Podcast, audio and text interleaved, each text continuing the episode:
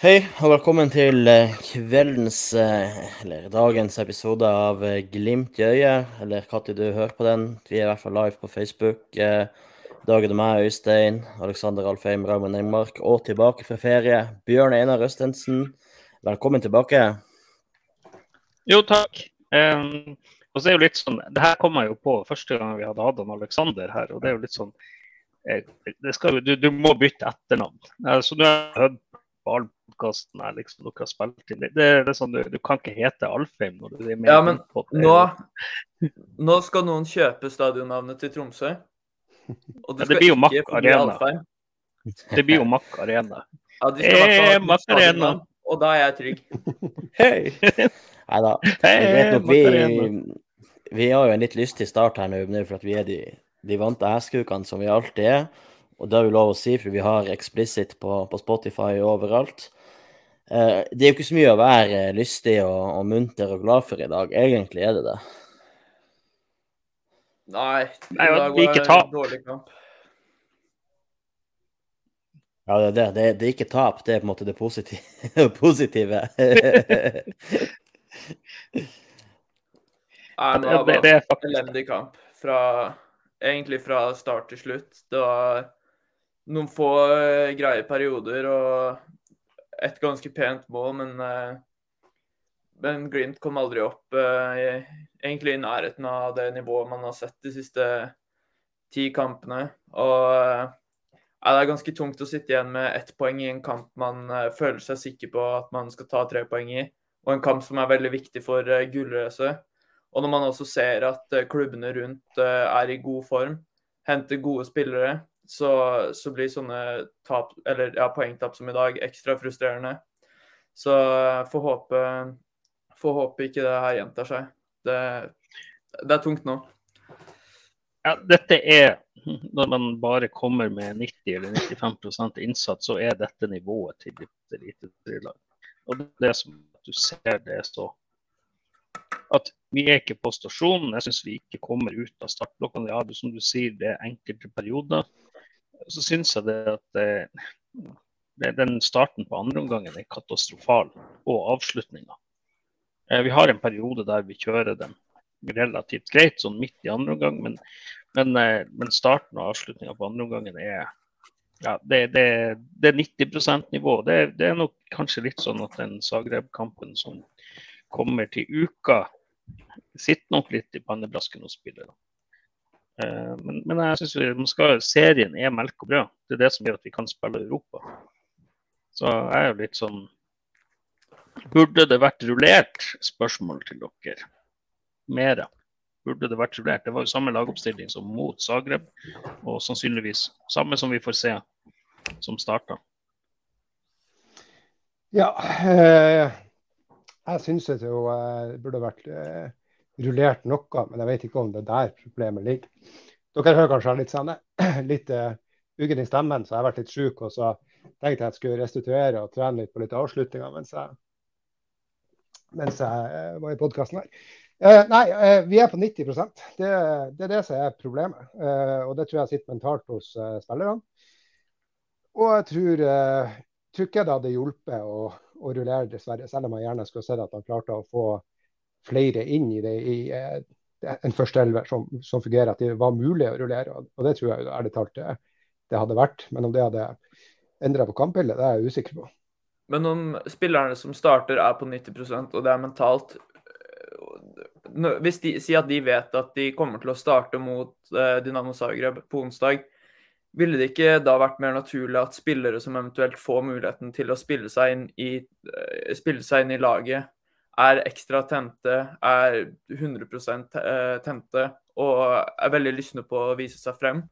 For eh, ja, de spilte akkurat en tung kamp som har kosta en del krefter, og de skal spille en viktig kamp nå snart. Om man hadde fått inn eh, si to, maks tre spillere som ikke har spilt fotballkamper på, eller spilt 90 minutter på altfor lenge, så er det jo naturlig å tenke at de hadde sett på dette som en god mulighet til å vise seg ordentlig frem og hadde vært litt tente, og at de da kunne ha fått med seg resten av spillerne. For bortsett fra Vettelsen, så syns jeg det virka ganske dødt offensivt i dag. Jo, men jeg tror det blir litt sånn at uh, uten å, uten å, være klar over det, så tenkte de litt fremover at det begivenheten så de skal møte nå, er så stor at jeg, jeg, jeg, tror kanskje ikke det Jeg tror det rett og slett blir veldig vanskelig å holde fokus på nuet. Uh, og det, det, er jo ikke bare Glimt som har gått i den fella, det er jo noe som veldig mange store lag gjør ute i Europa. Ja da, og, og det men, men, det som er Jeg vet ikke om det er mentalt eller hva det er, men, men Kjetil Knutsen snakka om det etter, etter pausen, eller i pauseintervjuet da, med TV, at han, at han, sier sånn Vi er nødt til å gå ut på der og være mer lojal til kampene. Vi er nødt til å holde mer bredde og så få, få mer bredde i vendingspunktene våre, sånn at vi får dem til å måtte skyve fra side til side, sånn til slutt at det kanskje kommer ei åpning sentralt i banen. Så ser jeg utover i andre omgangen. Vi vrir fra Pelle inn på Saltnes, som har tatt over fra Hagen sentralt. Og hvem er vår bredeste breddeholder, da? Jo, det er Samsted. Han ligger faen meg smalere enn 16-meteren. Det er ikke noe vendepunkt bredt der. Og da blir det aldri å sprekke opp sentralt inne i banen. For at HamKam er jo for faen ikke nødt til å ligge og sideforskyve engang. For at vi er faen steike hakket så forbanna smal. Og det er det samme som det var borte mot Molde. Og det er det samme som vi har sett tidligere i sesongen. At og så er det sånn, Når, Kjetil sier i pausen vi er for smale, vi må brette ut, vi må ha breddeholdere, så går vi ut i andre gangen og gjør faen steike akkurat det samme. Det irriterer meg i dag, og det irriterer meg mye mer enn at man kanskje har litt tankene borte på Zagreb og litt sånn der. Det er at man faen ikke har klart å ta læring av de kampene man har hatt så langt i år. Man har møtt lag som ligger egentlig i en 5-5-0 på Aspmyra. Ja, jeg er veldig enig. Sorry. Men uh, spesielt i første omgang der. Det slår så mange enkle pasninger uh, som går til HamKam-spillere. Altså, det er vidåpne pasninger, spillere står umarkerte, og man klarer ikke å treffe, treffe på de pasningene. Spesielt Høybråten hadde en sekvens hvor han slo to feilpasninger etter hverandre. Og det går bare sakte, upresise pasninger. Det er aldri noe fart i, fart i pasningene. Og spiller generelt. Så nei, det, det er mest det som er frustrerende. At uh, ingen tar litt tak i det og bare skjerper, skjerper seg. Altså, det gjøres mange dumme og unødvendige og upressa feil. Så nei, det var, det var, mye frustrerende i dag. Og ja, de må opp, uh, opp på hesten igjen for at uh, det skal, det skal bli noe Champions League. Her... Ja, jeg, sitter, jeg, sitter, og ser på statsene. Det er sånn, Glimt har 75 ballinnhav det, det, det er dominant. ikke sant? Så, sånn, ja, så har vi 14 skudd og 5 skudd på mål. og HamKam de har henholdsvis 8 skudd og, og 3 skudd på mål. ikke sant? Og Det er jo litt sånn, det sier jo det at to, to av tre går inn. ikke sant? De skårer egentlig på de sjansene de har. Eh, men samtidig så synes jeg at vi gir dem litt, vi er litt sånn nonsjalant også. Gir dem mye corner. Du så jo det at plutselig så den, den corneren, Vi prata om det rett før vi gikk inn her. Ikke sant? Det var en innoverskudd corner. Jeg mener det der det er forsvar og keeper. De skal eie egen femmeter. Og da er det sånn, da er det, Jeg syns vi blir passive, vi står og ser på. Eh, og det er Ja, det, det, er litt sånn Det er det som gjør at vi taper poeng i dag. All ære til HamKam som har en, en god kampplan til eh, å møte på Aspmyra med det spillematerialet de har. For det, det her laget det er sånn de ligger bak og venter og skal ta kontringa. Og, og jeg synes det, det, er slapt at ikke vi klarer å skape mer, rett og slett. Og det er jævlig frustrerende å sitte og se på. Eh, jeg tenkte liksom OK, yes, får, når vi fikk det målet før, før eh, pause, at OK, det er bra, nå må HamKam litt opp. Og så er det sånn, ok, så, Men så klarer de faen meg å score på en dødball. Og det, er sånn, det første dødballmålet, bortsett fra straffemål, vi slipper inn i år. Og det er sånn, det sier kanskje litt om hvor tenningsnivået er. Men det er litt sånn, eh, det vises ganske godt i dag. Eh, for min del så dessverre må jeg si Amundsen store syndebukken. Eh, på, på første målet så, så, kommer han ikke opp i duellen i det hele. Altså Han står med begge beina planta på jorda når den, når den ballen heades inn. Men så skal det, der må han dele mye skyld med han haiken. For han står altså på altså Den headinga kom fra to meter midt på målet det, der skal keeper være ruv i lufta og plukke den ballen. Eh, på, eh, på, andre målet så blir han, Amundsen blir spilt tunnel på, på, slutt, nei, på spissen av 16-meteren. Eh, og du ser på bakre stolpe så ligger de tre mot to der. og Saltnes og han eh, samstedet undertall. Det her, eh, det her er vel litt det han, eh, han Knutsen snakka om at han har ennå mye læring å ta, og når han skal ta risiko. Det så du i dag, så gikk jo faktisk Amundsen gikk seg bort med ball mange ganger i dag, og mista ball. Ja. Det er liksom, du, du behøver jo ikke som stopper å, å forsere ledd. Det ene leddet, liksom, når de ligger 5-5-0 eller, eller 5-3-2, Eh, fordi at Du kommer ikke gjennom der på midten når de ligger fra, fra 35 og inn. Det her var det viktig at man fikk bredde. og det er litt sånn, Samsted jeg var så frustrert, som Øystein sier, at han, han for og sprang i korridoren istedenfor å prøve å komme seg rundt. Jo, han gjør jo arbeidsbetingelsene til Muka jævla dårlig. For Han dekker jo det rommet der liksom, eh, han Muka ja, egentlig kan, han kan forsere. Han kommer aldri på noe overlapp. Så... Ikke sant? Det, det er, jeg, er ikke helt enig, jeg ikke helt enig i det, da. men... Uh... Samsted kom mange ganger rundt på overlappet. Han blir jo aldri brukt da, men, men likevel For de har jo den typiske der at eh, Amundsen slår opp på, på, Muka, og så går eh, Samsted på, på, på utsida. Men da går jo alltid Muka innover. For han eh, Samsted drar med én til to mann. Så det er jo ikke helt rett det, da. At, at det ikke var bredt, men at vi ikke var det godt nok, mye nok. det det, ja, det, var, det, var, ikke mye nok, i hvert fall. Men jeg syns liksom han, han, gjør veldig mye feil. Jeg syns vi er litt, litt, for eh, ja, som jeg sier, vi er for lite flinke å, å holde bredde og går inn i sekken. og, liksom, og det er sånn det, når vi begynner å, de siste, Etter de skårer, så begynner vi å lempe ballen inn. og Det, det sånn, det blir på måfå. for det at Glimt er, Glimt er ikke så god eller, i forhold til de stopperne der i lufta. De har ikke så mye duellstyrke. Nei, altså, mitt, mitt, inntrykk av det som gjør at vi ikke lykkes offensivt i dag, det er egentlig en jævlig mye dårlige valg med valg. For vi, særlig Pellegrino og flere andre, Vetlesen og Samsted, altså, slår, prøver seg på legg som går i en spiller som står tre meter unna. Da, da, gjør vi ikke det lenger det Knutsen sier at han vil vi skal gjøre, nemlig å bearbeide og, og, og skyve dit til de sprekker opp. Om du står helt i ro på akkurat utenfor 16-meteren og slår legget i en som, som, står og på en måte eh, støter og markerer deg, eh, så, så, er det en jævlig dårlig plan og en jævlig dårlig utførelse. Jeg tror Pellegrino alene slo 10-15 ut av de der i dag. Eh, så, og, og, men det skal sies, det var, det var dårlig over, over, hele linja, men, men, akkurat det der og I tillegg, som, som Bjørn Einar sier, at det, er det noe Kamma kan være god på, så er det jo faktisk å, å forsvare seg mot, mot legg når det ikke får løp mot eget mål. Mm. Ja, jeg ser jo her uh, Anna Margaret har skrevet tidligere at Øystein er sint nok til å uttrykke problemet. Jeg var jo frustrert nok i løpet av kampen i dag til å si, til å si at er Glimt kollektivt, selv om Pelle er vår soleklar store toppskårer, bedre av med en spiller som faktisk gjør noe produktivt med ball i angrep. Um, så skjønner jeg nå etter kampen at Pelle skal jo spille, Pelle skal jo starte, men så frustrert var jeg altså underveis i kampen i dag. fordi at ja, han skåra to mål, men utover det, så Men du har jo aldri rett til å kreve mer. Ja, jeg syns jo det. Men eh, det, det problemet der kan man jo Altså det er, det er, få spillere i Eliteserien som er komplette, og da kan man jo også Vi kan sikkert prate litt om Salvesen nå. Altså, han er en god spiller, eh, og vi har skrytt, skrytt veldig mye av han etter at han kom. Og det vi alltid prater om, er presset hans, hvor mye han løper. Men til syvende og sist så er han jo en spiss, og han, man vinner kamper og skårer flere mål enn motstanderne. Han har ett mål, et veldig pent mål. Um, han, nei, beklager. Han har skåret flere, flere, mål. Han har skåret nå senest mot Sarpsborg òg. Men, uh, men han, i dag han kom jo til svært få sjanser. Teknisk ganske begrensa.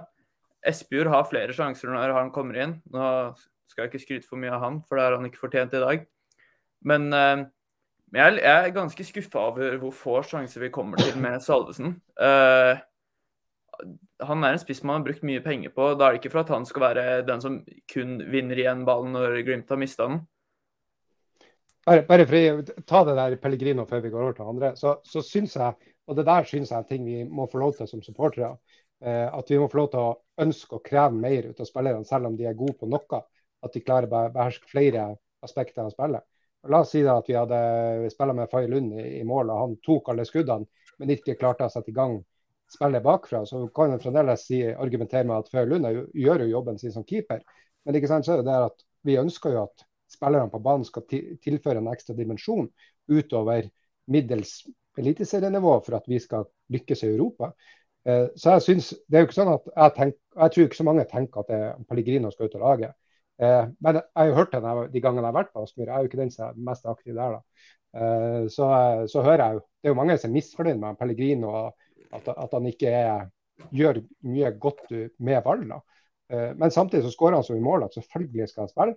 Men det må jo være lov å ønske at han skal slå gode legg i tillegg til å skåre, ja, altså, f.eks selvfølgelig så ønsker man at, de skal være så gode, altså at alle spillerne skal være så gode i, i, så mye som mulig.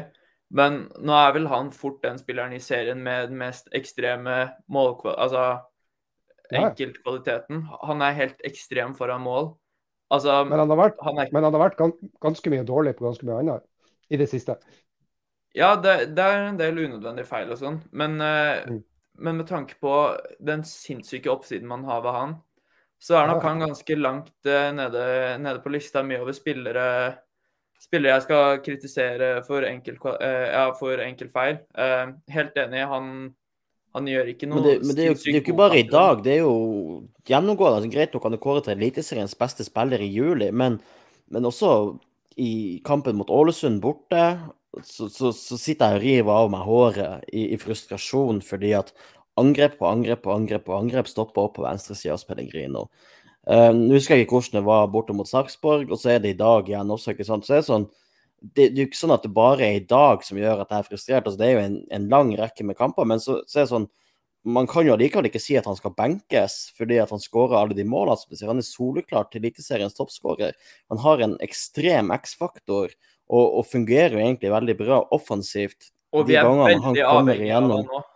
Ja, ja, men, men, men, men allikevel, når du ser hvor mange etablerte angrep som renner ut i sanda, og det stopper ofte opp på venstresida, så er Pellegrino involvert i at det renner ut i sanda. Og det må det være lov å kommentere, syns jeg.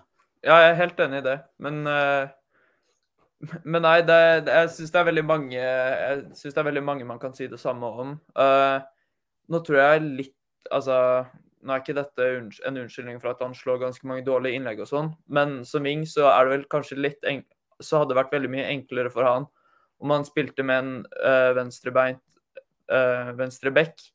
Nok, øh, han får nok litt mer alternativer om han hadde spilt med f.eks. Bjørkan, som mye oftere kun, kan komme på utsiden. Uh, at det blir enklere å få til kombinasjonsspill der enn når Bry spiller. For han er jo så han er jo så avhengig av å gå inn i banen når han har ball, eller om han skal motta ball. Så han har nok kanskje ikke de enkleste arbeidsforholdene sånn sett. Men jeg er helt enig i at i dag, spesielt i dag, men også i det siste, så gjøres det en del ganske mange dumme og unødvendige feil. Men uh, jeg syns det er ganske mange man kan si det samme om. Selvfølgelig. Og vi har jo diskutert før det her med at venstresida kanskje blir for smal med tre høyrefota spillere på, spesielt i møte med lag som ligger med fem bak. Det blir veldig at man, man, man skjærer inn alle tre samtidig. og så er det ingen, være, ingen som er på bredda når man, når man skal vende rundt, ikke sant. Så, men ja, det, det renner vel kanskje litt ekstra over i dag, for at man er frustrert over å spille uavgjort mot uavgjortspesialisten i Eliteserien. Men det er vel femte poengtapet på hjemmebane i år, selv om vi er ubeseira. Ja, når jeg ser Øyvind Svanberg Myttin skriver at han er stygt redd for Gullerøyk. Eh, LSK går forbi i morgen, og RBK vil være poenget bak. Så er det litt sånn at det er vel kanskje ikke isolert bare denne kampen som gjør det at jeg synes Det er det at vi spiller masse uavgjort på hjemmebane. Vi er jo ubeseira på hjemmebane, men at vi har nødvendige poengtap. Vi får mål imot. Det går litt på det å kunne være kynisk. Og det er sånn, Av og til får du sånne flaksmål imot, sånn som Rosenborg hadde. Eh, av og til så har du sånne kamper som Lillestrøm, der du omtrent dominerer dem fra ja, start til slutt. Og så har du de kampene i dag. Men det er de kampene i dag som er så jævla viktig å vinne. for det, det, du skal være så, det er ikke så mye kvalitet i det her HamKam-laget at vi ikke skal kunne være kyniske og lokke de ut på, på glattisen der. ikke sant, Vær litt kynisk. Sant? Det er snakk om de skåra i 85. minutt. 86. minutt er det vel. Og, og, og, det er så kjipt òg, for vi har jo pratet ja. en del om det de siste kampene, om at Glimt har vært flinke når de har et resultat. Så begynner de bare å spille på det. Siste kvarter, mm.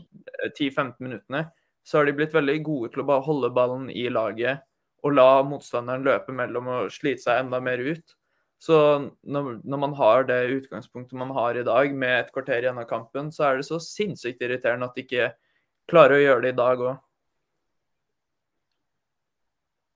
Jeg syns det, det, vises godt på spillerne i dag i en del avgjørelsens situasjoner at vi ikke er 100% på. Eh, der det vises best, er kanskje den som eh, Runar Espejord får en retur på fra stanga. Der står han på hælene helt til ballen går i stanga, i stedet for å expect the unexpected og følge opp den situasjonen. Han har en annen, annen situasjon. Han òg har en, en, mulighet hvor han står på hælene. Bris har en, en, retur som han ikke kommer på fordi han står på hælene. Det er veldig mye som er over hele, hele fjøla i dag. Eh, Vuka skal hele tida legge han i bortre kryss i stedet for å altså, Det er jo bedre å skyte én meter innenfor stanga enn å skyte ti centimeter utenfor. Sånn er det bare. Det, det, er mm. liksom det er noe over absolutt hele fjøla. Kan, kanskje kanskje Vetlesen er, er, den som kanskje gjør mest det han skal. Ja, jeg syns han er den offensivt som, eh, som leverer best. Han, eh, han, har en helt annen innsats enn de andre, syns nå i hvert fall jeg. Og ja. har mål, både målgivende og, eh, og skaper straffe. Så så jeg, jeg syns han er av Glimt sine spillere i dag, så er han den jeg syns leverer best. Ja, og det, det, men det Raymond sier, at å liksom forvente det, det Pellegrino er jævla god til, er å være på eh, rett, sted, rett, sted, til rett tid. Og Det, det syns jeg sånn som Salvesen i dag. Han har noen der han stoppa opp, ikke sant, istedenfor å liksom bare bruke smartness. Eh, og Det var jo det Erik Botem jeg synes han utvikla ekstremt bra i fjor. Det var den smartnessen til å være liksom der, der ballen kommer. Eh, det syns jeg savner hos Salvesen i dag, og det syns jeg hos Espejord også. Det blir av og til litt sånn hælflik her og der, istedenfor at han to ganger bare egentlig kunne ha vendt opp. Vi vet han er kapabel til å skyte fra 15-16 meter. Så, så han har jo det legge ut til Muka også der. Ja, ja, den, ikke sant. Og så har du den, den andre der når han er på bakre stolpe, istedenfor at uh, han, han, da tar ett ekstra touch og så prøver jeg avslutning. Og det blir sånn han, og så prøver å flikke Vetlesen igjennom. ikke sant, og det er sånn, eh, nei, han, Espejord han må på avslutningstrening, for han var på rett sted i dag, men tar feil valg. Rett og slett. Eh, han, ja, du kan jo si det om den, den avslutninga som går i nærmeste. og det er klart Han er høyrebeint. Enten burde han ha spilt, spilt Saltnes, eller så burde han ha trekke seg inn og prøve å skyte med venstre eller utsida ja, høyre. Den hvor han kommer alene med keeper? Ja, det skal være, det skal være mål. Ja, han kan både skåre selv der, men etter å ha sett den i reprise, så har han en veldig god vinkel til å slå på Pellegrino, som ville fått ballen på helt åpent mål. Um, jeg var en spiller imellom, men Pelle hadde fiksa det der. Det som, men, men, det, det, men altså, som spiss så skal du sette den. Altså, det, du skal ja. ikke tenke pasning som spiss der, da, da, har du ikke noe på spissplassen å gjøre. Men du skal jo sette den. Og ikke sett den der, det, det er like ille som han eh, haiken eh, slapp den ballen under foten og i mål. Altså, det er, det er liksom så, det er sånn 110 sjanse. der det, det er ingen god forklaring på hvorfor at du ikke setter den. Det er, det er for dårlig. Det er ikke noe annet. Han avslutta ett sekund for tidlig, og han, ikke sant, det han gjør. Og så viser han det. Så, han, han viser det med hele kroppen. Det er helt eh, det er elendig, rett og slett. Ja. Så det som vi har satt til å avgjøre det med den som eh, når Vettesen sitt, eh, sitt lompepasning egentlig bare går helt igjennom. Jeg syns ikke vi er ja, som sagt, vi er ikke på. Det 90, blir 90% og 90-95, og det er ikke HamKam så Det er kynisk HamKam så spesielt mye, mye, dårligere enn det vi var i dag. Og det var en, en dårlig kamp, egentlig. og får lyspunkter.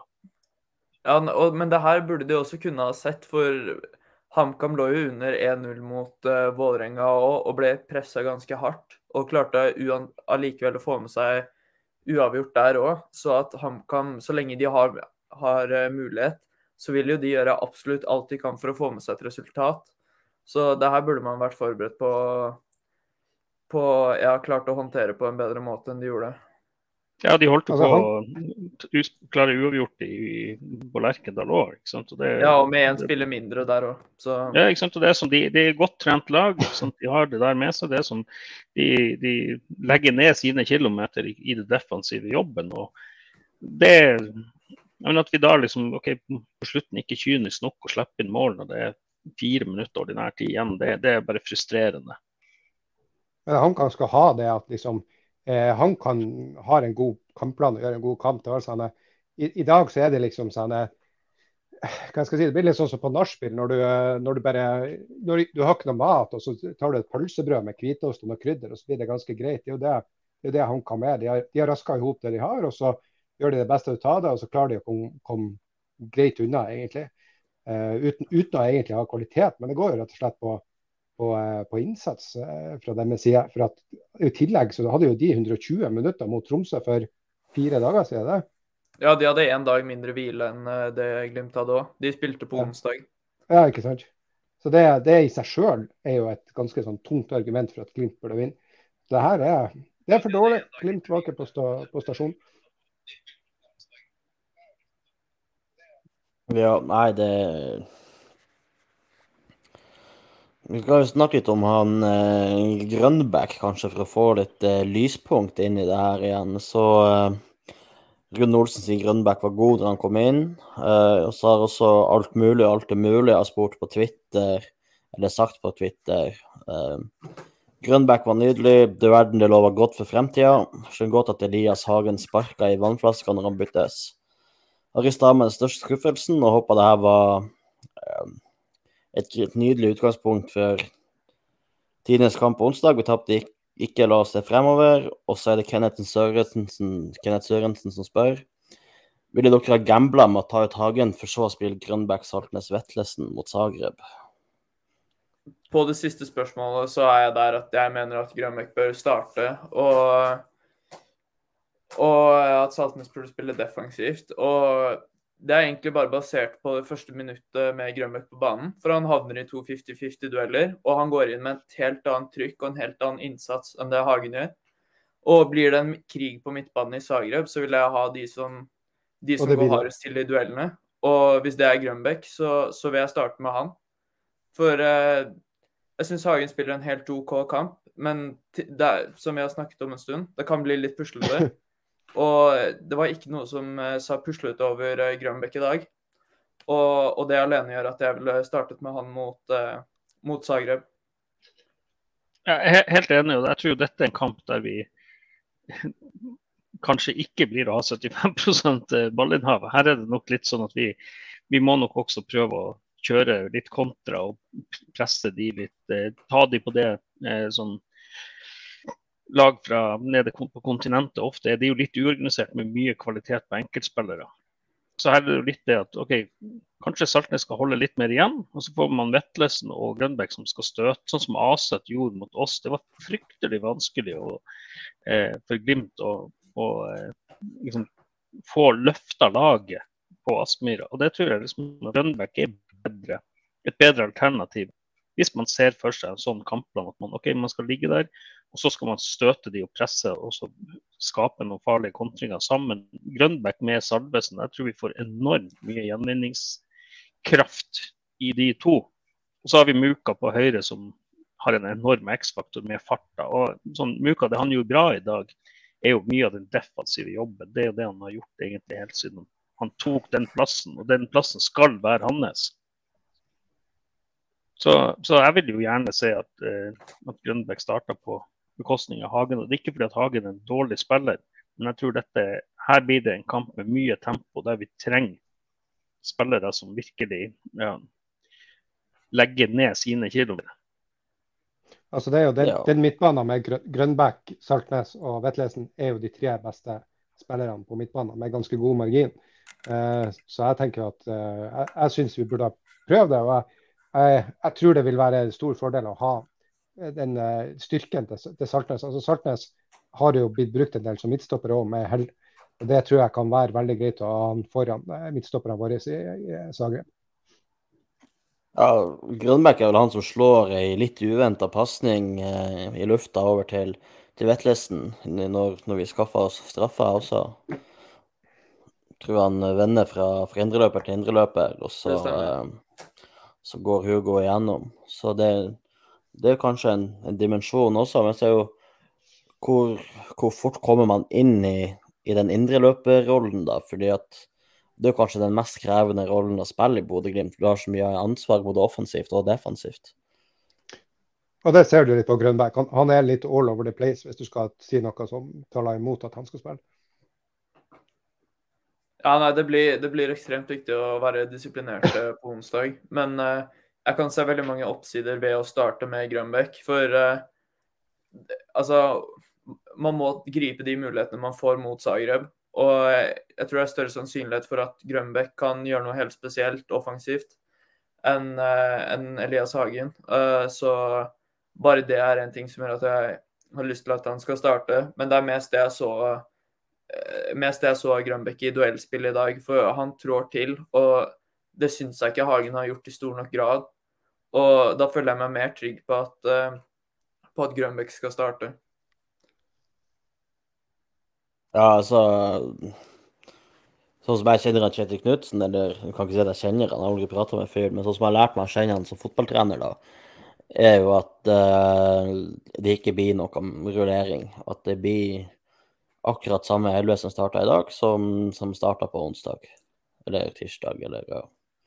Onsdag, og jeg, jeg, tror også Hagen kommer til å starte, men eh, hadde det vært opp til meg, så hadde nok Grønbekk starta. Men nå er det vel en grunn til at Kjetil Knutsen er Glimt-trener, og, og, ingen av oss.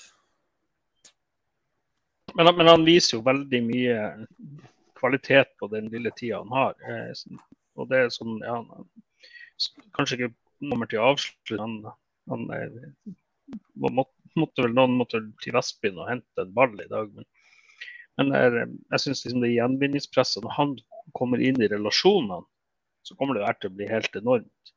Eh, så syns jeg det, også at jeg var litt frustrert at vi ikke ikke brukte han mer. Eh, for han, han, var faktisk av og til i det offensive og la seg og gjorde seg spillbar. Men da slo vi ballen gjerne på tvers over til, til Samsted eh, og. Det, det var de HamKam veldig godt forberedt på. Det var vel en grunn til at de også kasta inn på Kongsro på slutten der. Må jo for å få både litt løpsstyrke og litt, eh, litt kontringsstyrke. Da tok vi etter hvert og satt på Gilbert, og han står jo og trør på ballen i de siste fem minuttene pluss tilleggstid. Men jeg tror jo at Knutsen sitter med mye av de samme tankene i hodet som vi diskuterer nå. Jeg tror jo kanskje for Knutsen at det er litt sånn Jeg vet ikke om det er 50-50, men jeg, jeg, tror jo det at han eh, Grønbæk eh, banker på døra, og at han er litt usikker på om han skal velge kvalitetene til Grønbæk, eller om han skal velge liksom, kontinuiteten til han, til han eh, Hagen. Det, jeg, tror, jeg, tror, det er et vanskelig valg, selv om jeg også sitter med en følelse av at han fortsetter sånn som han alltid har gjort, han kunstner og spiller med den faste elveren sin. Mm. Du er litt inne på det.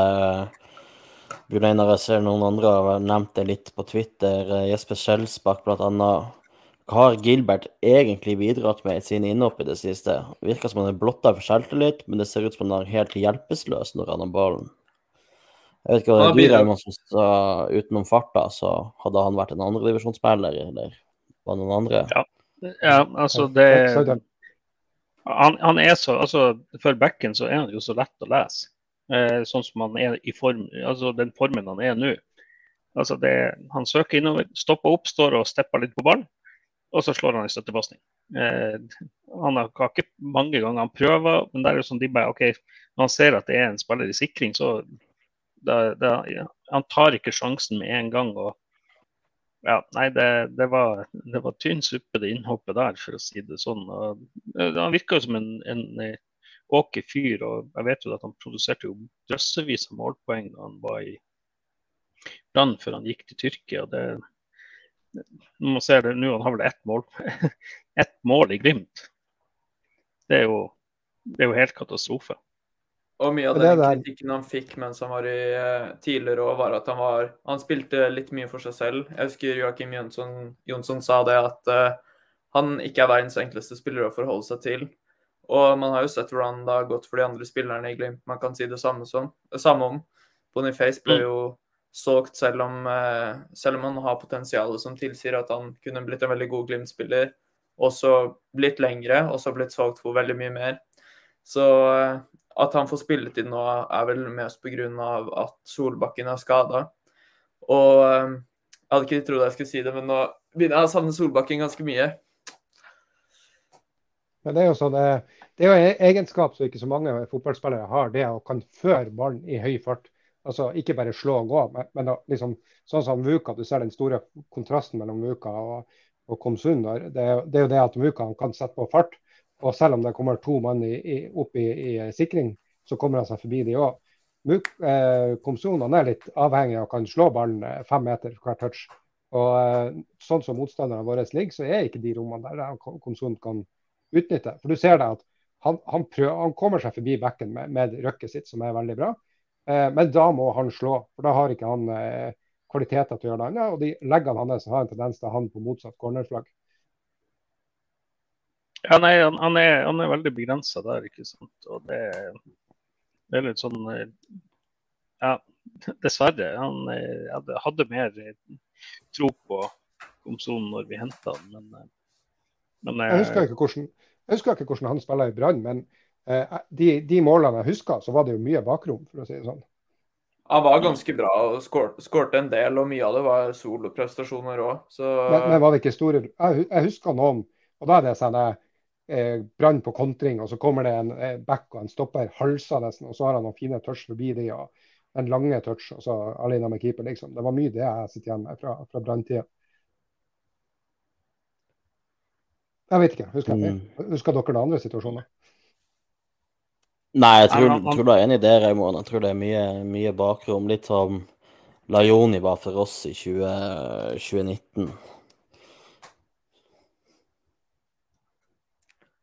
Men nei, det, i ettertid så hadde det nok vært bedre å bytte inn enten, uh, enten Sørli eller eh, Nino Sugel. Så uh, jeg får satse på at det ikke, at det ikke blir altfor mye spilletid på, på Gilbert fremover.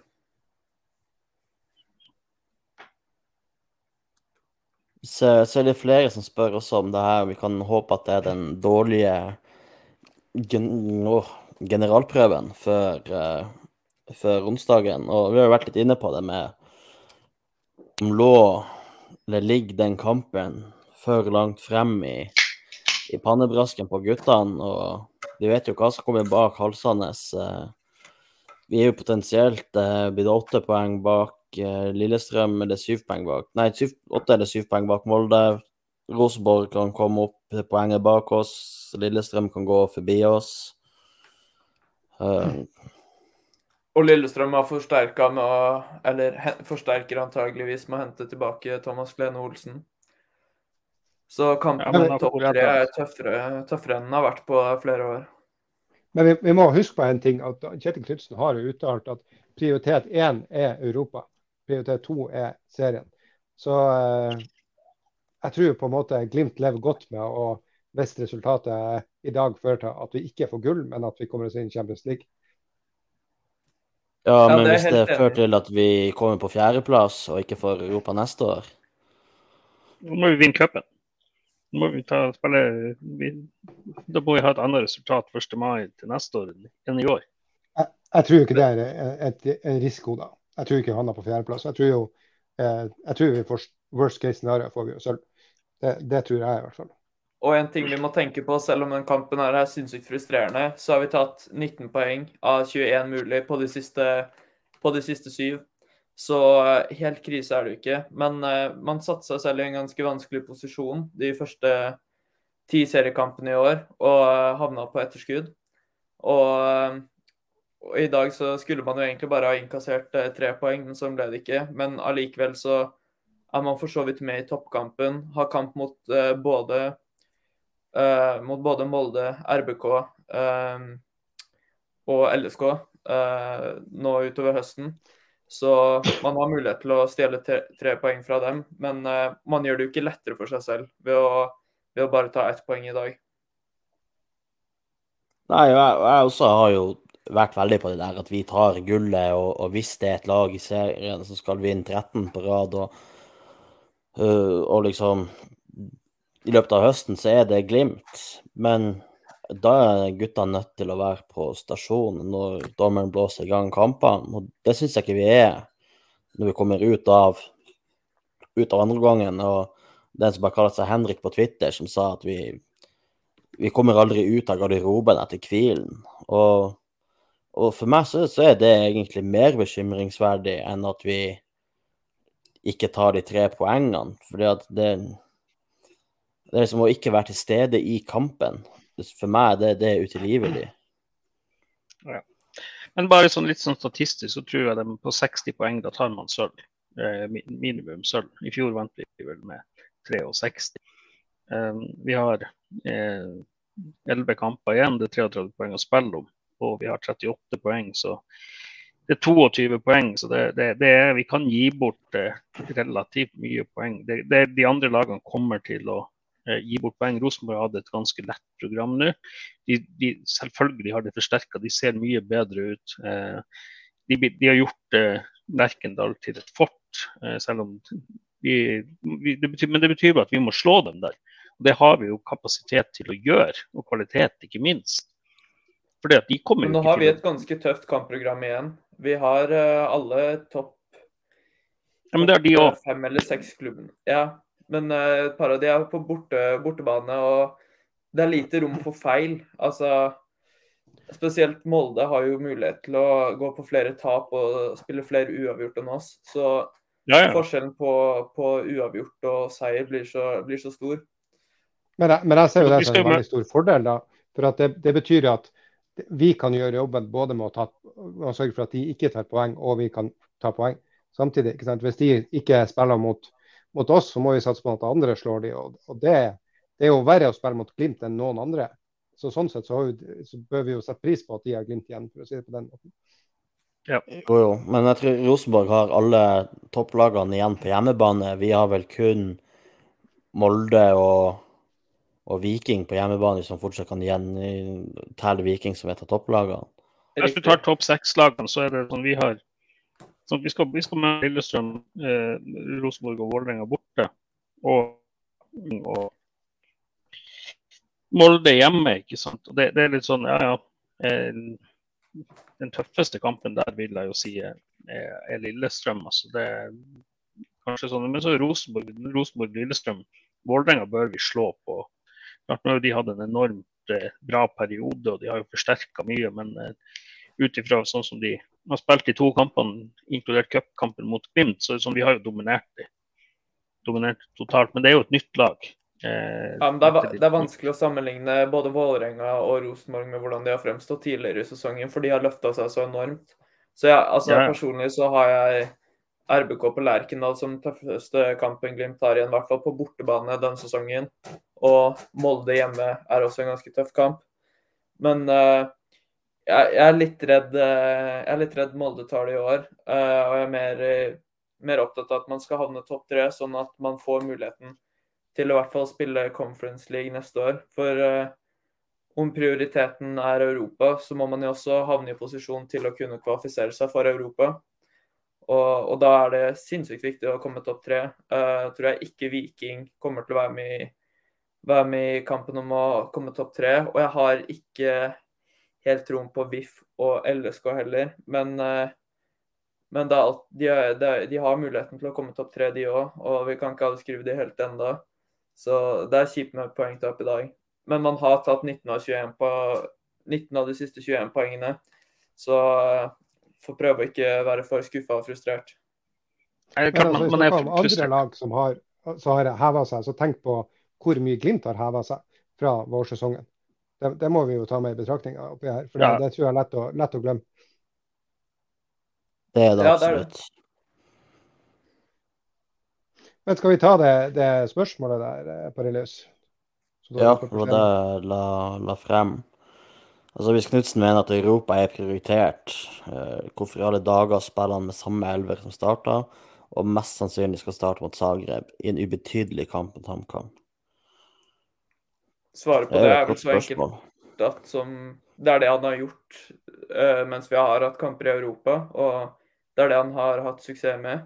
At spillerne kommer inn i, kommer inn i en god flyt, og at, at de tåler et høyt uh, kampprogram og mye belastning da fungerte Det fungerte i fjor høst. og så, enn så lenge Glimt har spilt i Europa, så har det fungert ganske bra. Og da ser han vel ikke noen grunn til å bytte. Men uh, Man kan jo stille seg spørsmål på om de var slitne eller om det var mentalt i dag, men uh, så lenge det har funka, så, så, holder han seg vel tro til uh, stilen. Men det ser jo jeg at Bjørn Einar, du kan ta først. Kan ta ja, nei, det, det, er jo litt sånn, Knutsen har jo aldri vært kjent for å rullere mye eller å gjøre TIL. da. Til stor frustrasjon for, for mange av oss. Eh, men det viser seg at han har jo mer peiling enn det oss har. Og så er det litt, antageligvis hva spillerne spillerne også vil. ikke sant? Det er, jo, det er jo morsommere å spille kamper enn å trene. og det er sånn eh, Jeg tror nok de fleste fotballspillere Jeg håper jo de er så profesjonelle at selv om de har litt vondt, da, at de da faktisk eh, melder seg klar til kamp og sier ja, klarer du i dag og neste uke mot Zagreb. Liksom det, så tror jeg de fleste spillerne vil si selvsagt. Eh, det er klart, Nå er det konkurranse der. Han har jo sagt han skal rullere mer, men det har jo ikke blitt gjort. Eh, det er vel kun egentlig sånn, det taktiske genistreken borte mot HamKam når, han, når han, han bytter seg opp. Ellers så er det jo sånn han kjører samme elver, og han kommer nok til å gjøre det også på onsdag, eh, selv om jeg håper Grønberg tar plass. Eh, så sånn, men det er jo litt hvordan vi løser det. For det, i dag det er også litt sånn det er, Vi står og stam, stanger mot nei, muren og forsvarsmuren sånn som vi har gjort så, gjorde så my, mye i vår. og det er liksom, Nå har vi vært flinke og knekt den koden mot lavtliggende lag. Men det, vi mangler det, det, det tredje målet i dag, å få en 2-0-ledelse. sånn at vi tomålsledelse, sånn at de, de måtte ofre mer. Jeg, jeg, tror Anne Knutsen ser at eh, og, det samme som, altså Vi skal ikke spole så veldig langt tilbake før vi satt og var frustrert for at relasjonene var helt fraværende. Eh, og Jeg, jeg syns jo å se det at relasjonene de bedrer seg fra kamp til kamp eh, og blir stadig bedre. Eh, jeg tror det handler litt om det for Knutsen. At, at, han ser at eh, det er, laget er ikke der han ønsker det skal være ennå, og han vil fortsette å, å få relasjonen til å sitte enda bedre. Jeg tror det er derfor han ikke bytter. Men det jeg blir sånn spent på, det er at hvis vi går videre til Champions League, så kommer vi til å må møte det her flere ganger. Og det er klart, De kampene kommer til å være hardere og kreve mer energi.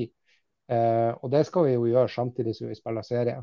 Så spørsmålet, eller spørsmålet, det, er jo mer som henne, Min påstand er jo at han, Kjetil Knutsen bør lære seg å ha en stamme på kanskje si 14-15 spillere som han kan rullere lett på. En eller to spillere i seriekamp som, som har slitasje, som kan, kan spares. Og så, og så, ja, sånn at vi får Sånn at de får et godt lag hele veien med sultne spillere, og at det hjelper å prestere på trening. Men per nå er kanskje ikke altså Selv om Glimt har en ganske bra stall, så er den kanskje ikke god nok til å kunne ha en eh, ja, 14-15 spillere man rullerer på. For ja, Gilbert eh, Konson er en spiller som kommer inn i dag. Og er, jeg tror vi er ganske enige om at det han leverer, er langt unna å være godt nok. Hvis han er andrevalg på høyrevingen, så, så er jo det litt, på, uh, litt, skremmende. På sikt så tenker jeg jo Solbakken og, og Grønbæk slash Hagen og Mo slash Amundsen bør da være punkter hvor det kan rulleres. Det er helt enig, men når de, ikke, når de i dag ikke er tilgjengelige, så, så har han jo ikke mulighet til det. Grønbæk er jo tilgjengelig. Ja, men det er bare én spiller. Jo, jo. jo. Eh, sant det. Og, og ja, i tillegg så ja, fortsett. Ja. Men samtidig, i, i, år etter 19 kamper, så har vi like mange poeng som vi hadde i fjor etter 19 kamper. Og I fjor så var vi åt, også åtte poeng bak Molde. Eh, så hvis Molde vinner nå i morgen, så er vi på samme, samme, situasjon som vi var på i fjor, og vi vet alle hvordan det gikk. Og, og Glimt sin beste periode i fjor var i fjor høst, når vi spiller kamp på torsdag og søndag hver eneste uke. Vi var vel egentlig ubeseira gjennom, gjennom, høsten i fjor også.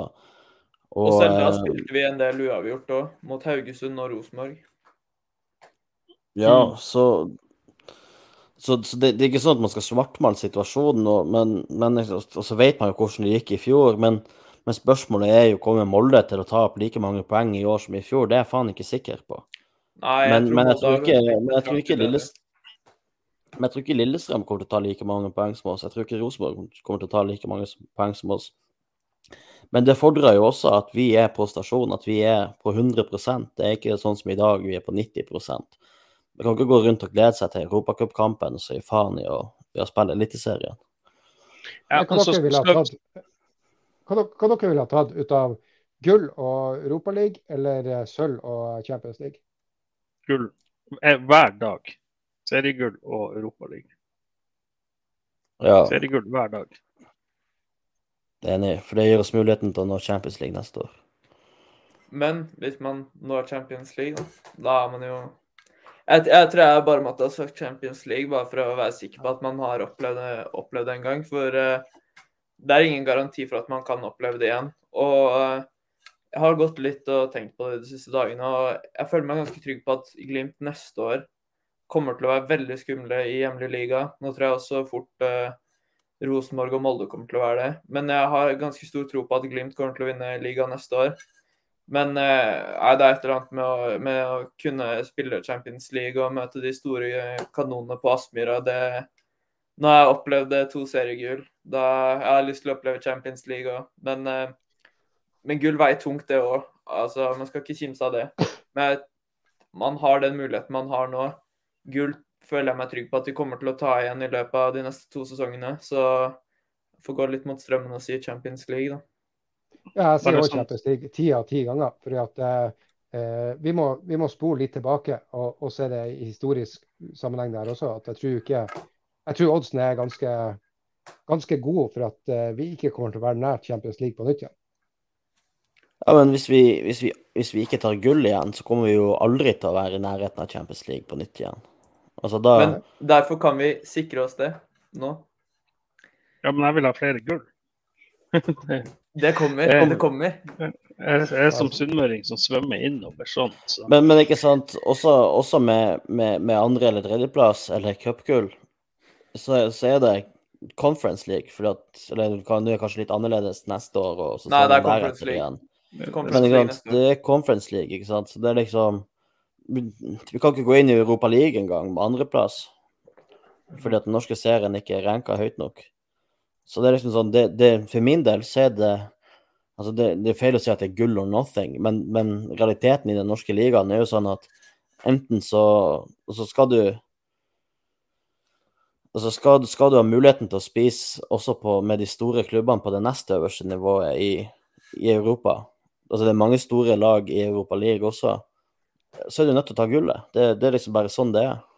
Ja, Men hvor sykt er det ikke at vi sitter og snakker om det her nå? Altså Hvis man ser tilbake i fem år, ville vi ha valgt seriegull og Euroleague?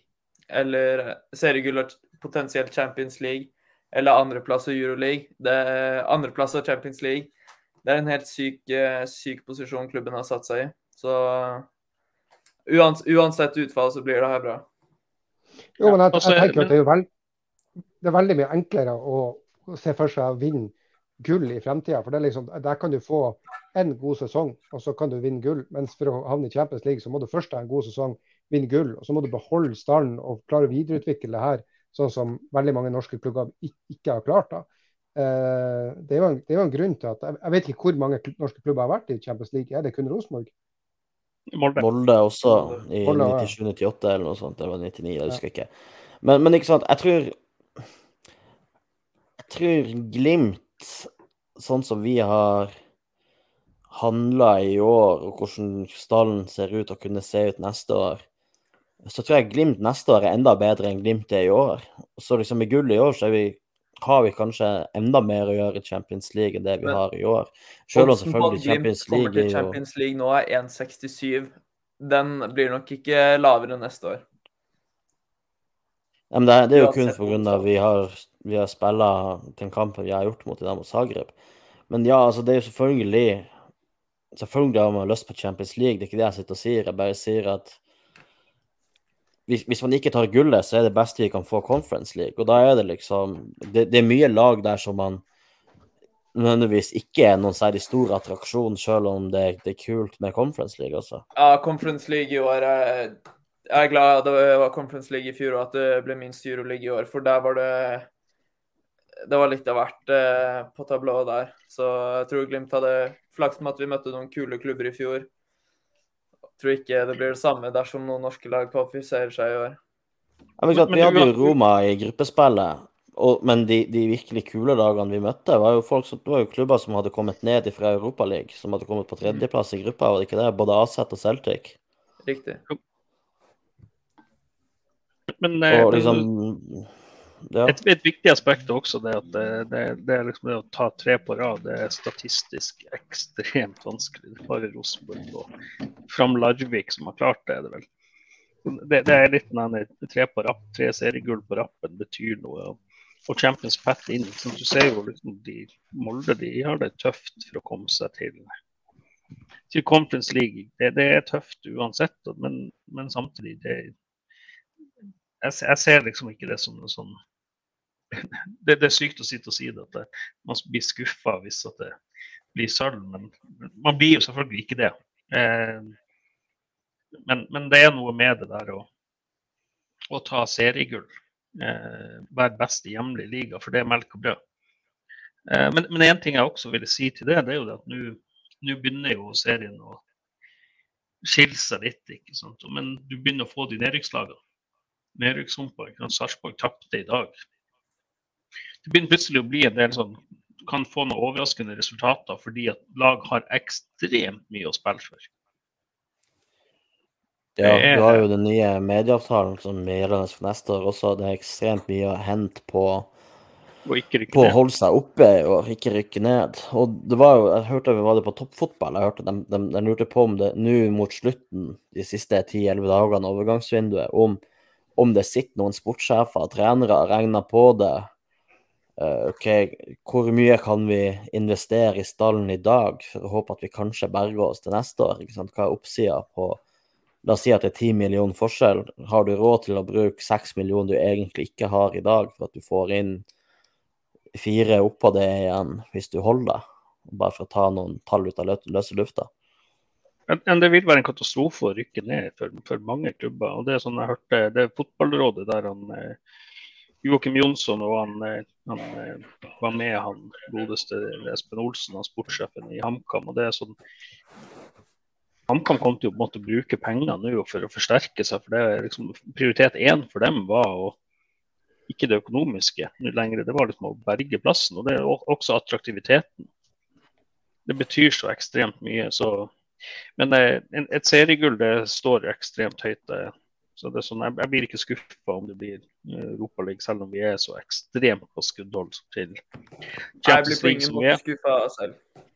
Men det, er, men det, hadde vært historisk å spille Champions League, bare tredje klubben i Norge som Jo da, men det er også noe sånn, sånn at melk og, melk og brød er serien. At vi skal eh, tiltrekke oss spillere til neste år. Det kommer til å skje rotasjon og det at man kan få spillere som kommer fordi at man skal inn å spille Champions League-kvalifisering. Og at man mest sannsynlig er sikra et europaspill fordi at det, man går Champions Pat. Ja. Det, betyr, det, betyr, så mye, så derfor for min del seriegull. Jeg gidder ikke å argumentere mer for det. Da må vi ønske Nei, ja, der stakk han av igjen. Ja da. Vi har lagt til PM, så mitt religiøsen fra Øst-Finnmark kommer plutselig inn og Rødt av gårde noen ord i forbannelsen. Er du ferdigmala? Skal vi si, hva føler du du som sportsjournalist bruker? Kan dere høre meg, da? Ja da. Ja, OK. Det er bra. For jeg fant ikke den der inngangen til poden. Jeg har vært og malt. Jeg er forbanna. Og um, holder på å male en garasje. Fint, det. Røyk. Seriegull og røyk. Garantert. Nå har vi ikke sjans. Jeg er så forbanna at det er helt utrolig. Og dere har sikkert gått gjennom matchen, men jeg, jeg, bare, jeg ble kvalm.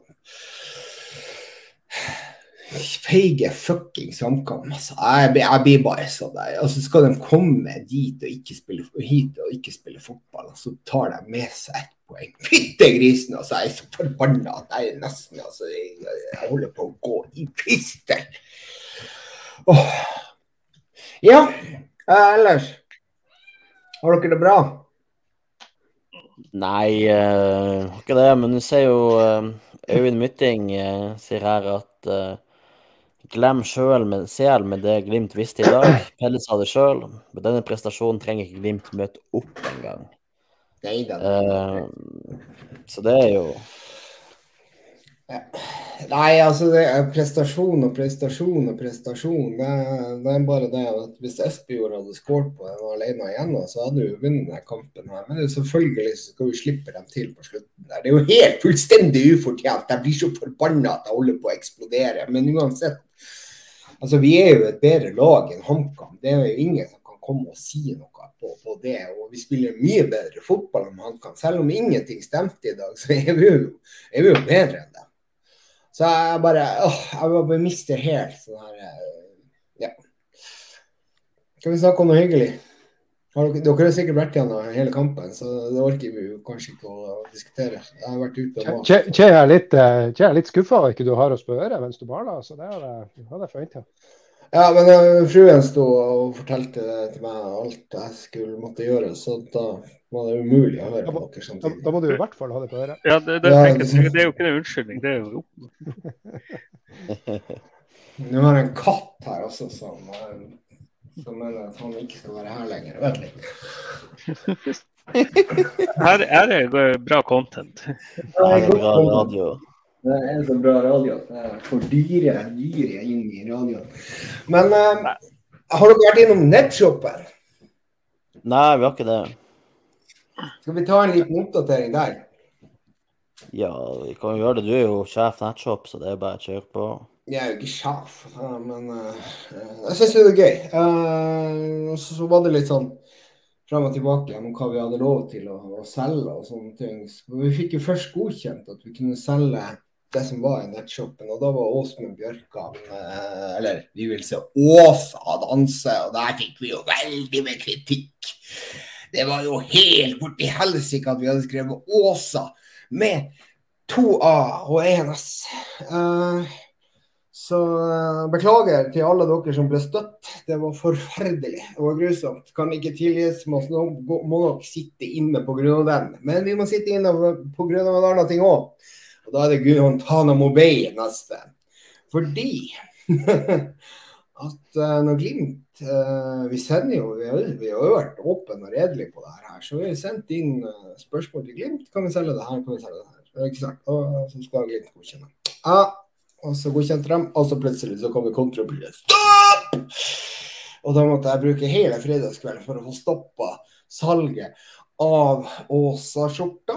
Som egentlig jeg kan forstå det. Det er et merkenavn for Glimt. Åsmund Bjørkan er jo en legende. Og i tillegg så måtte vi trekke ut Brønnøysunds Baresi. Så gratulerer til alle dere som har bestilt off og den Baresi-skjorta. Og, og, de som har gått i posten. Det er eksklusive skjorter. Så de gå, kommer til å gå på nettet for ja, vi se, en uh, par tusen kroner stykket vil jeg si, tro. Det har jo du bestilt, eh, Øystein. Det vet jeg. Ja da, ja da, ja da. Så det kommer til å bli trøkk i innboksen hvem som skal kjøpe den. Ja. Men, men, i dag så var han jo faktisk Brønnøysunds Harry Maguire, så det var Ja, han var det. Tålte ikke, tålte ikke skjorta. Tålte ikke skjorta. Men uansett, så er det jo det kommer vel nye produkter, tenker jeg. Det, det, kommer, det kommer noe nytt. Og da, da, vil bare jeg, da vil bare jeg gjenta det. Jeg kan ikke si så ofte nok at det er ikke for at vi som sitter her, skal, skal tjene ja. penger på det her. Eh, du, du, kan, du, du, kan si litt, PM, hva det, hva det går til. Ja. Glimt i øyet har aldri tjent en krone og kommer nok aldri til å gjøre det. Dette gjør vi på frivillig basis. Alle, alle vi som er i denne poden her, eh, gjør det av ren interesse til Glimt. Eh, vi har ingen økonomiske interesser for, uh, for det her, og vi kommer ikke til å ta og tjene noe penger på det her så lenge vi holder på. Så Derfor så er det det at det ligger vel ca. 10% i avanse på de skjortene Eh, eller den nettbutikken som vi, eh, som vi har satt i gang. De, det overskuddet der går uavkorta nå foreløpig til Ukraina og kjøp av fotballdrakter der. Eh, nå viser det seg at å kjøpe fotballdrakter i Ukraina nå er jo ikke det at du får fotballdrakt. Du kjøper den, og så får du ingenting. Eh, mest sannsynlig. Men kanskje vi får noe. Så vi legger inn ordre på det når vi tar ut de pengene Og eh, hvis vi får dem tilbake igjen, så skal vi lodde dem ut. Grunnen til at ikke vi tjener penger på det her, er jo en at vi, uh, vi er ikke et kommersielt selskap. Men to er jo også det at det blir veldig fryktelig vanskelig uh, å administrere pengesummer blant oss. Og så er det sikkert noen som mener at vi burde brukt det på lyd. Vi burde brukt det på å utvikle podden. Men da må vi lage et AS, og da, må, da skal skatten, da skal det skattes, og da skal det gjøres masse papirarbeid. Så den som har mer peiling på det her, det er jo kanskje Bjørn Einar og Raimond og Øystein. Um, så hvis dere har lyst til å føye på noe der, så bare gjør det. Nei, dere, dere har jo starta nettbutikken mens jeg var på ferie. Jeg fikk jo med meg ja. hva grunnen var. så det, det Jeg syns jo det, det, er et kult initiativ, og det, det går jo til en god sak. Eh, ja. og det, det, er ikke noe vi gjør for å tjene penger, men det er for å ha litt, eh, litt show og blest samtidig som penger går. En god ja. sak. PM, bor så langt ute i periferien at uh, han må noe å fylle fritida med. Da er det å sitte og lage T-skjortedesign. Nei, det er ikke jeg, som lager dem. Det det er jo Nei. vår venn i T-skjorte. Nei, men du er jo i, i, i det, det mørke T-skjortemiljøet. Det er jo du som er idémaker bak der, den kreative sjela. Så jeg syns jo den skittsekkskjorta var den den, det, det, skal bestilles i sånn her. Du, du, skal ta den, for det, det, jeg ser, jeg kan se at jeg bestilte en til. Mm. Det, er det solgt én av den? Uh, så uh, jeg vil ha mer omsetning på den. Kanskje jeg også må ha den. Men nå har ikke jeg fått bestilt noe sjøl, fordi jeg, jeg har uh, Renta gått opp. jeg er jo, jeg er jo i, den, i den situasjonen at når vi snakker om renter og makroøkonomiske tendenser, at uh, jeg har kontrakt på et hus som bygges, og avtalt pris. Så håper jeg bare på superinflasjon og, og lønnsvekst ut av det røde H, sånn at jeg, sånn at den leiligheten bare, bare betales egentlig av inflasjon. Ja, så det kan være lurt å kjøpe de skjortene nå, det er det du sier. Ja. Hvis vi da opplever ja, 30% inflasjon, så er det jo, får du jo 30% rabatt. Ja. Nei, men altså øh, Og så er jeg ikke Kan ikke bare si at jeg er irritert på Glimt. Det var bare en liten glipp fra Glimt, og de godkjente. Og så måtte vi trekke det tilbake igjen. Og så kan det jo være at det kommer tilbake igjen også. Jeg vet jo at Pellegrino syns at det Å, den skjorta der, Alex! Den som vi laga av Pellegrino, nå må du følge med her. Uh, den var fin. Kan du beskrive den, Alexander? Ja, den uh, Den var såpass pen at den uh, burde være mulig for alle Glimt-fans å få muligheten til å kjøpe, for uh, den var ganske stilig.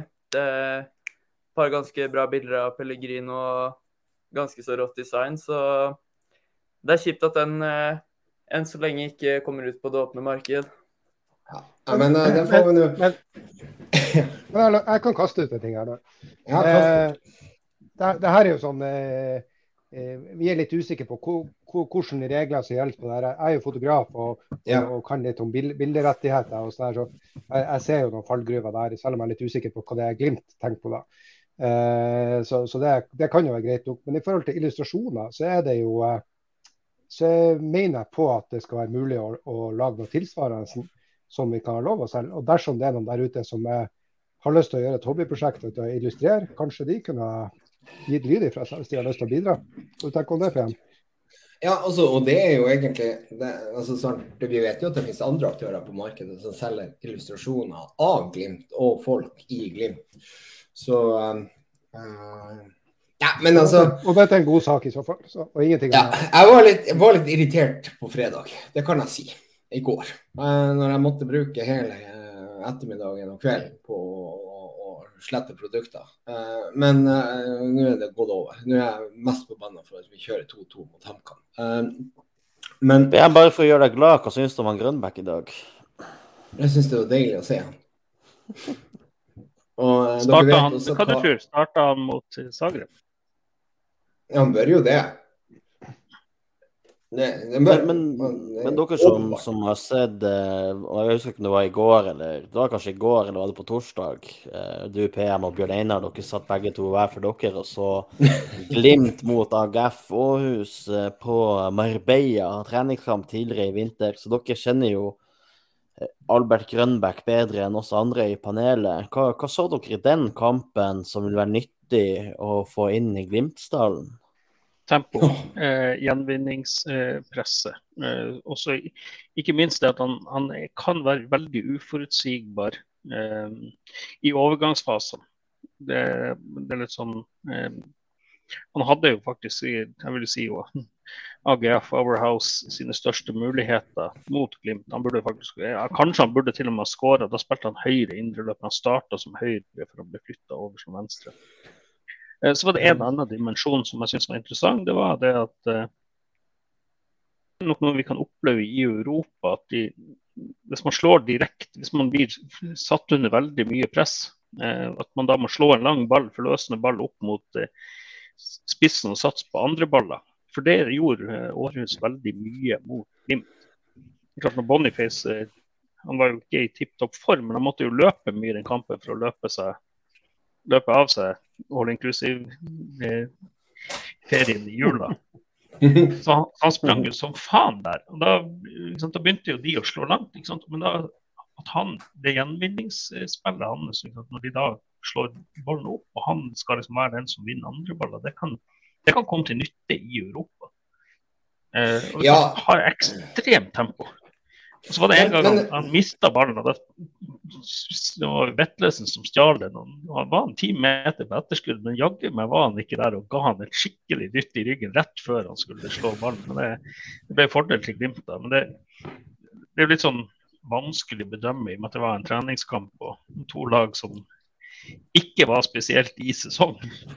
Nei, men altså, jo, du, du, du AGF var i sesong da. Uh, de har jo en sånn spesiell sesong i Danmark. Vinterpause. Var, vinterpause, vinterpause hadde de. Så de har vel sikkert halshugga Bayers og sånne ting.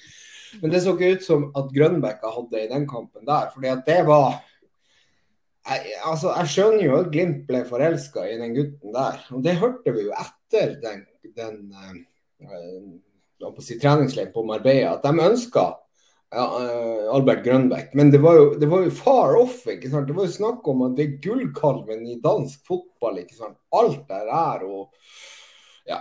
Eh, men vi forstår at han er gullkalven i dansk fotball når man ser den kampen der. Man ser, ikke sant Han uh, spilte uh, si, I starten så spilte han egentlig mot Elias Hagen. Han vinner 3-0 i dueller etter seks minutter. Da leder han 3-0 i dueller med Elias Hagen. Han fortsetter å produsere muligheter, for de har en sjanse som han skaper helt sjøl. Uh, der hvor han forserer to eller tre spillere og avslutter der hvor Høybråten berger Glimt. Altså på treningskampen der. Ja sklit, der hvor han blokkerer skuddet. Den hadde jo gått inn hvis det ikke. Samtidig så setter han opp til et uh, Han vinner ballen høyt, stangskudd, uh, og uh, serverer en enormt et par, to gode pasninger på vingen, altså høyre vingen, da, når han spilte høyre indreløper.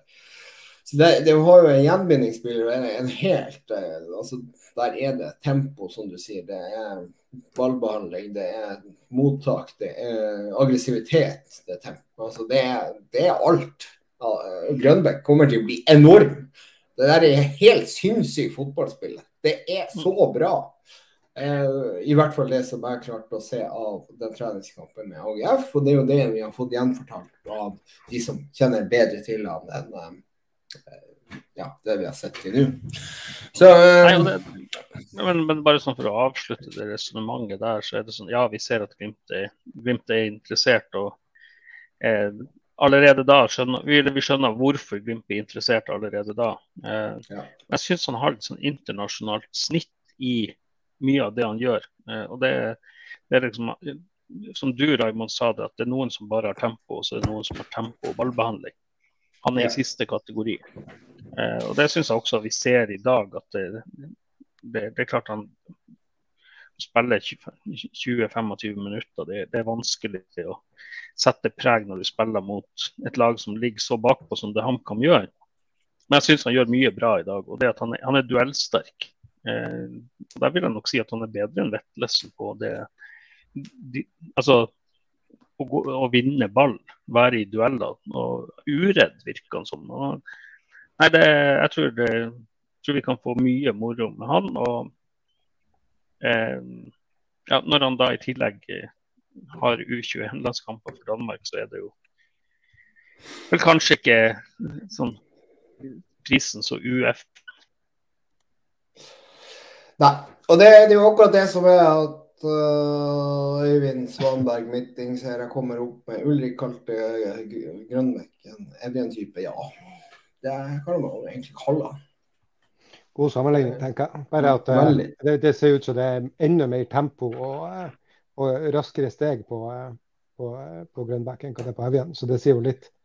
International snitt, if we can say it in Norwegian English and, uh, or Fjell English. Uh, if you uh, uh, Kloksvik, can you hear me? I have to talk English if you if you want to understand what I'm saying. Men, men yes. samtidig skal det også sies at han er jo et, et, ja, det er jo et prospekt, egentlig, sånn, hvis man ser litt stort på det. Han, han, han, kommer, ikke å, han kommer ikke til å spille her når han er 30. Det, det er litt sånn, det, Dette er en spiller som som nok eh, også kommer til å gjøre alt han kan for å eh, utvikle seg. og jeg tror jo det at det, det er en voldsom anerkjennelse til Knutsen og trenerteamet at han velger Glimt. Ja. Men jeg, jeg, jeg, bare tenker én ting. Jeg skal bare forklare litt. For det er mange som klager på nettshoppen til Glimt.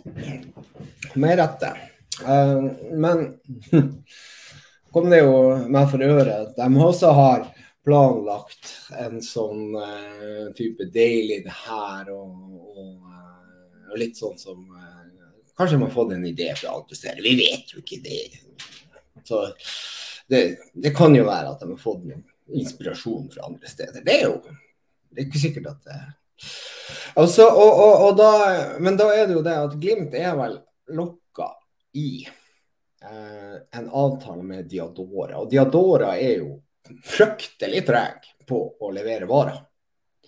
Så når du, hvis Glimt skal levere en skjorte, så er det én, så må du ha riktig størrelse på den. Og det er jo, det er jo mange som kjenner til størrelsene til Diadora, eh, Øystein og Bjørn Einar. Ikke sant? De er jo små. Og to er jo Ja, du må ha varer.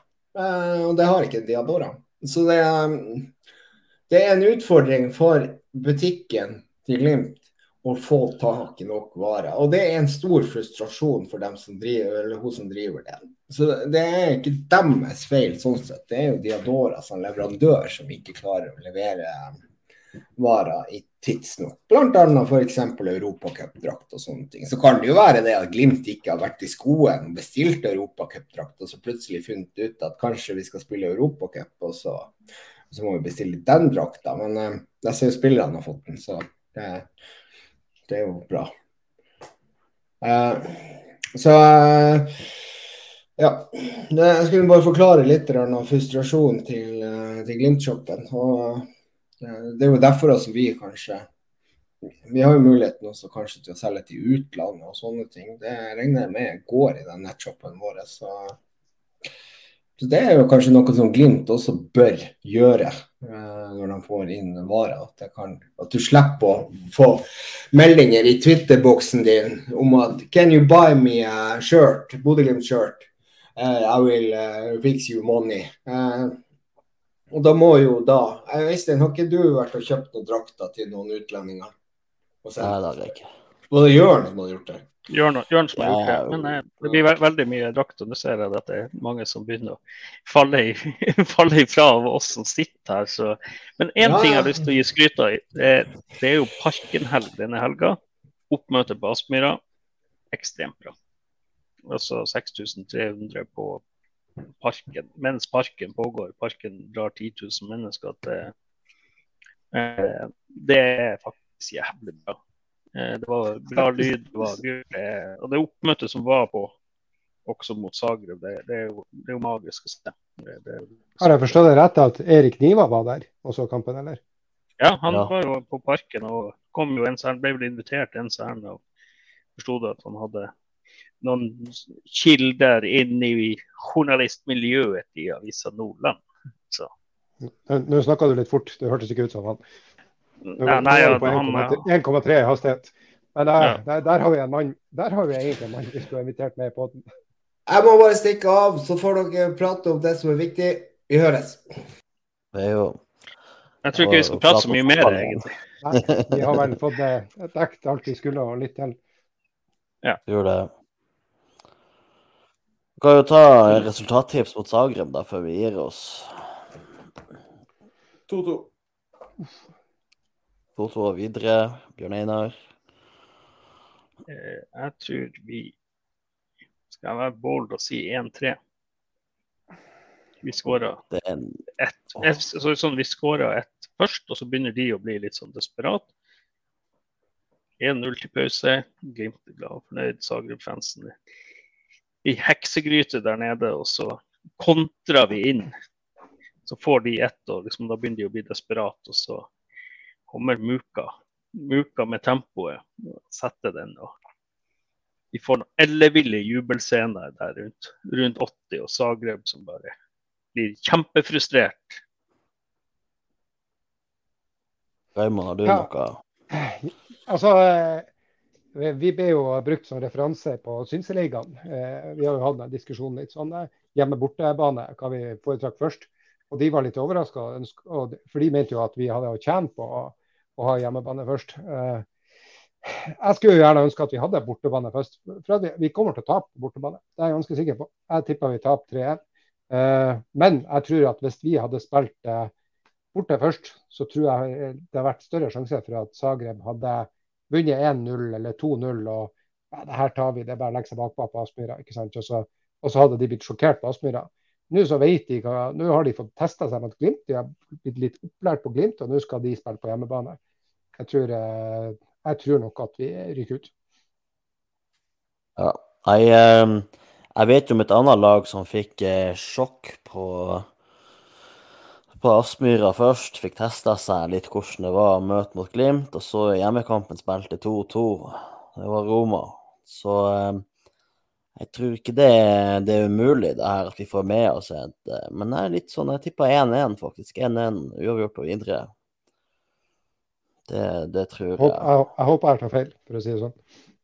Ja, ja, ja. Så Øyvind sier 5-0, og da håper jeg at det er i vår favør, og ikke etter hvordan hjemme vi har gjort borte, for å si det sånn. Ja, men, men, men, men det jeg skal si, møter vi opp sånn som i dag, med den innsatsen, så blir det da kan det bli stygt. Eh, men, men, det er jo det at jeg tror spillerne eh, Det ligger der i pannebrasken.